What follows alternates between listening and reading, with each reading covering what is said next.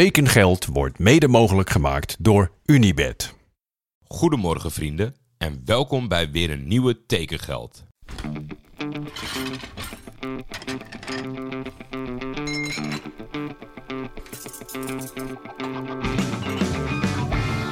Waar gaat Hildeman naartoe? kan u mededelen dat er overeenstemming is bereikt met Johan Cruijff bij Feyenoord. Navarone voor. Vandaag in andere kleuren, hè? Ja, dat zeker. Dat is wel even wennen natuurlijk. Berghuis een van de meest besproken transfers ooit, denk ik.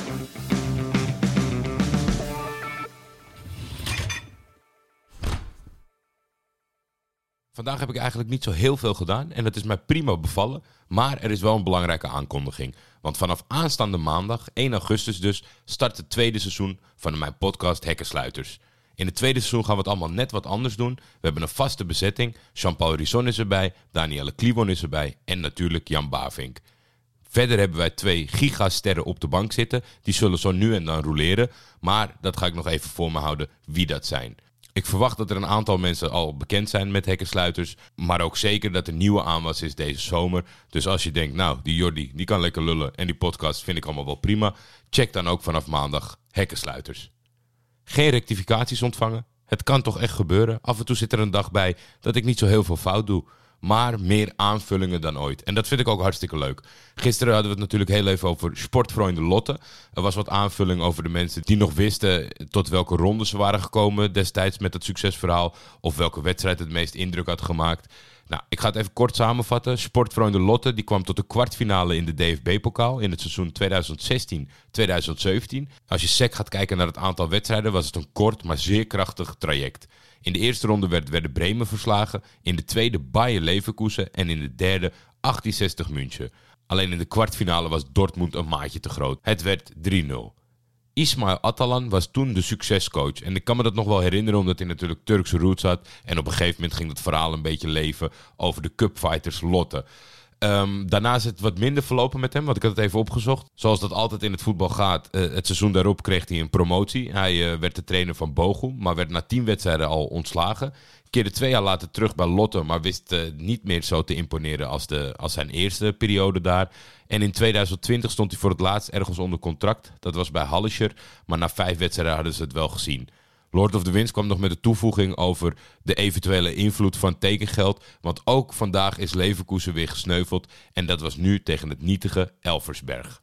Dan hadden we natuurlijk de overstap van een speler van Roda naar MVV. En dat is al eerder deze zomer gebeurd. En ik was gewoon eens benieuwd, hoe gaat de achterban van MVV daar nou mee om? Nou, ik heb uitvoerig antwoord gekregen van Catenaccio Mestreeg. Uh, en die vertelt het volgende. Wij haten de tussen aanhalingstekens afdankertjes die we van Roda krijgen niet. Maar wij als trotse Maastrichtenaren, Schengen, zijn er wel klaar mee dat we steeds vanuit Kerkrade of Sittard de spelers krijgen die het daar net niet redden. Financieel natuurlijk volkomen logisch, aangezien wij nu eenmaal een veel mindere begroting hebben.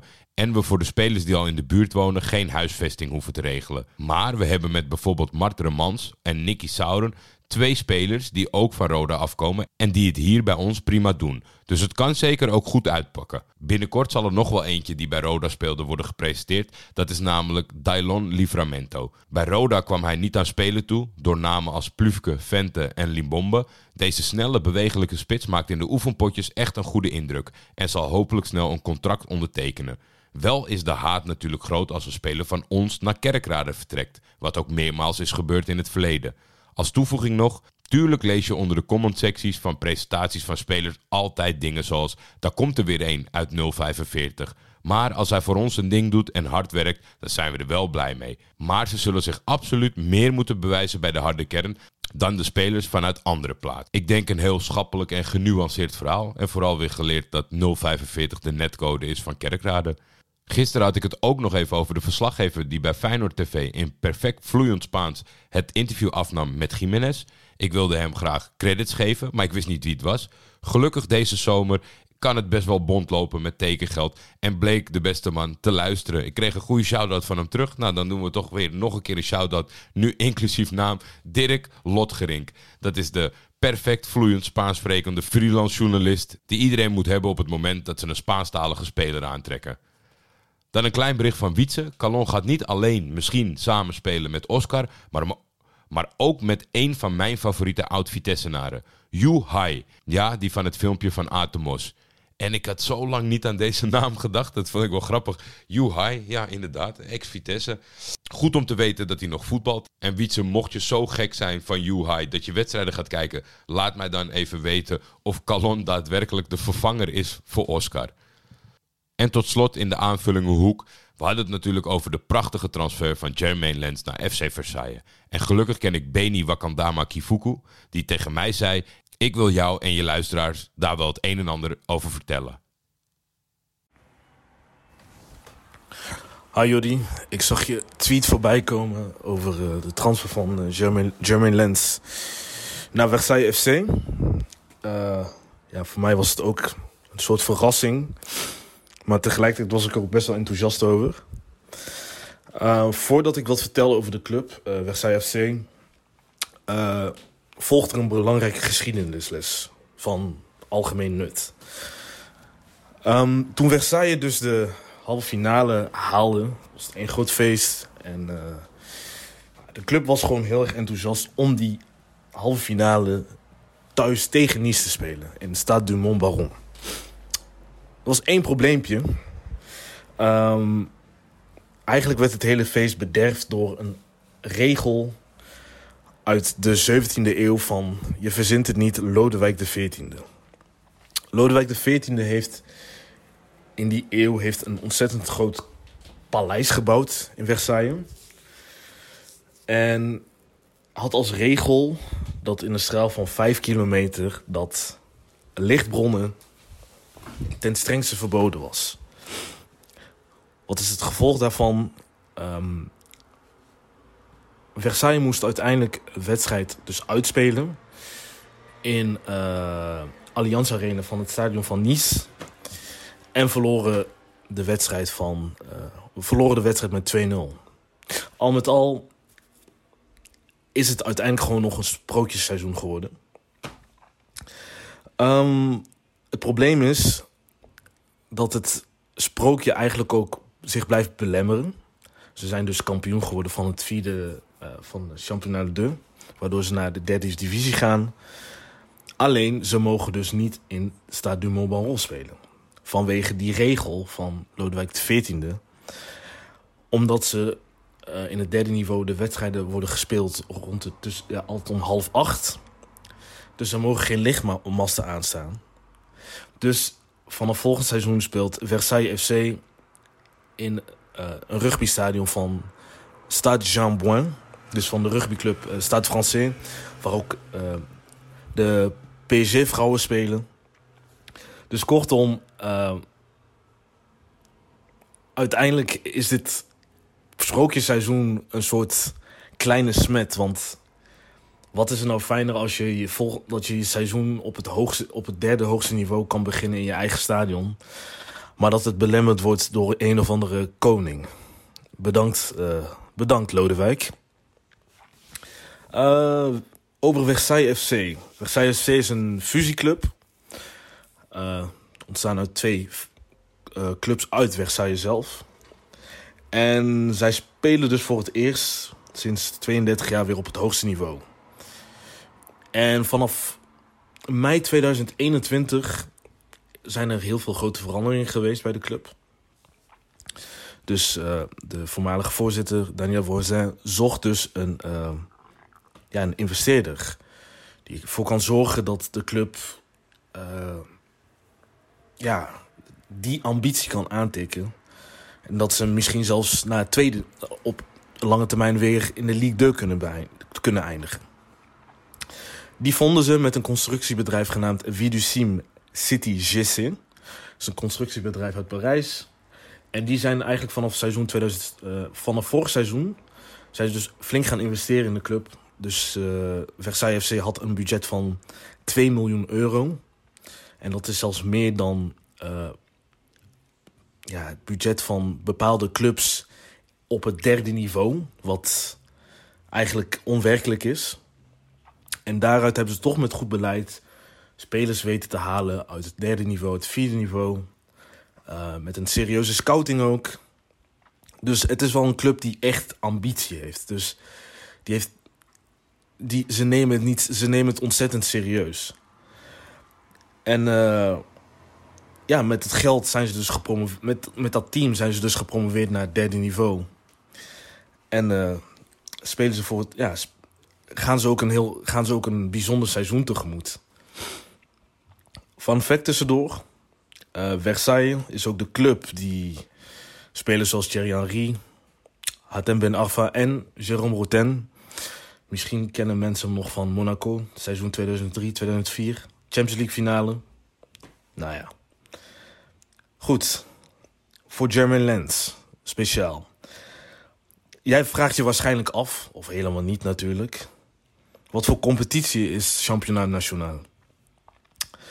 Eh, je gaat een. Het, is een fysieke, fysiek sterke competitie, allereerst. Eh, doelpunten zijn enorm schaars. Eh, verdedigen is wel prioriteit nummer één bij heel veel clubs. Dus dat gaat nog. Dat kan nog een. Dat kan nog een. Dat kan nog pittig zijn voor Jermaine. Maar als hij zijn eh, snelheid en wat schaar erin gooit, heb ik wel het gevoel dat er een leuk seizoen tegemoet kan gaan bij eh, Versailles FC. Die ook wat spelers nu heeft gehaald eh, uit, eh, de, uit de Ligue 2 en nu ook wat ervaren spelers uit de Championnat Nation- eh, National. Dus het kan een leuk seizoen worden. En ik hoop vooral eh, dat hij zijn snelheid nog heeft. En eh, voor de luisteraars, als jij, als er nog Jermaine Lens fans zijn, je kan volgende week vrijdag die wedstrijd kijken. Eh, Versailles speelt tegen FC Martiers, eh, Marties. Pardon. Op vrijdagavond om half acht. In stade Jean Bouin natuurlijk. Als je die wedstrijd wil kijken, ga naar de, deze website www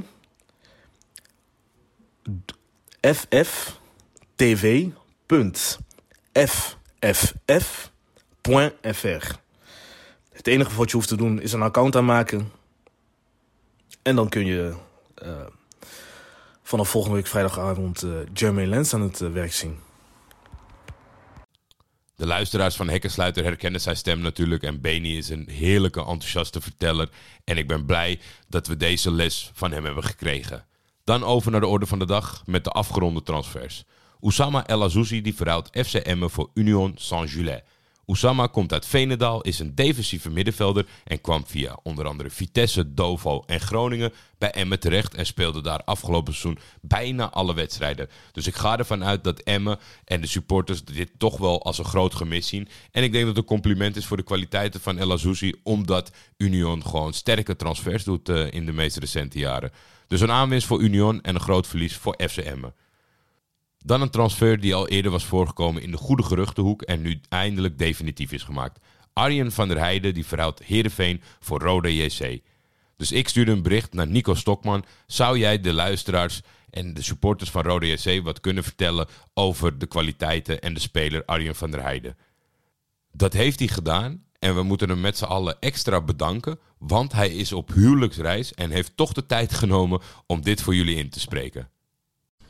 Hey Jordi, Arjen van der Heijden naar Roda JC. Daar zullen heel veel Heerenveen supporters toch met een dubbel gevoel naar kijken. Arjen is een echte jongen uit Heerenveen die het toch tot het eerste elftal heeft geschopt. En eh, dat is toch behoorlijk uniek, komt niet zo heel vaak meer voor. En Arjen was daarnaast vroeger gewoon een van de grootste talenten van de club. Hij kon eh, vroeger daarom ook naar Ajax verkassen, zoals het altijd gaat met de grootste talenten. En hij heeft er zelf altijd heel bewust voor gekozen om bij Heerenveen te blijven en daarvoor zijn kans te gaan.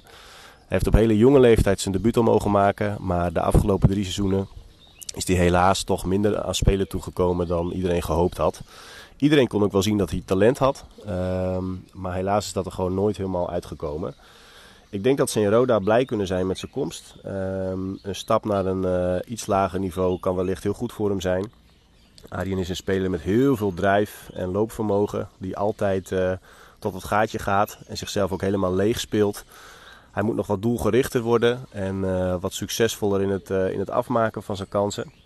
Maar ik denk dat ze aan Roda, bij Roda een hele goede aan hem hebben. In dat opzicht is hij wellicht wel een beetje te vergelijken met eh Jis Hornkamp. Die het bij Heerenveen ook nooit helemaal heeft kunnen laten zien. Maar we weten allemaal hoe dat bij Den Bosch uiteindelijk is verlopen. En we wensen natuurlijk eh Arjen het allerbeste toe. En ik hoop dat zijn carrière wellicht een vergelijkbaar vervolg gaat krijgen. Joep. Nou, het lijkt mij dat dit een speler is die aankomend seizoen ontzettend in positieve zin gaat opvallen in Kerkrade. Tot slot het verhuurwonder Jacob Rasmussen. In 2019 kocht Fiorentina de Deen voor 7 miljoen van Empoli, die in een jaar tijd 6 miljoen winst maakte op de speler die zij voor 1 miljoen hadden gekocht bij Rosenborg. Bij Viola stond hij echter nog geen minuut op het veld. Eerst moest hij tijdelijk verkassen naar FC Erzgebirge Aue. Oh, die vervelende naam. Ik hoop echt dat hij deze zomer niet meer voorbij komt. En de afgelopen twee seizoenen kwam hij natuurlijk uit voor Vitesse. Hij heeft goede periodes gekend, maar ik ben toch niet helemaal overtuigd over hem. In de wedstrijden, zeker tegen de sterkere tegenstanders, heb ik hem, meestal, heb ik hem meermaals zien schutteren, voornamelijk in één-op-één situaties. Ik ben benieuwd of hij bij Feyenoord wat stappen kan maken in zijn persoonlijke ontwikkeling en of er nog groei zit in, uh, in deze speler. Nou, dat was hem alweer voor vandaag. We zijn er toch nog redelijk doorheen gevlogen. Er zaten mooie aanvullingen in, er zaten mooie bijdragers bij.